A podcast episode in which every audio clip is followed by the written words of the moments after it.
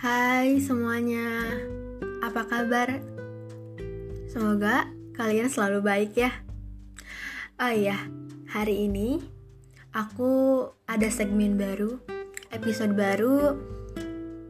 Ya, aku akan membacakan novel karyanya Boy Chandra yang judulnya Jatuh dan Cinta. Selamat mendengarkan.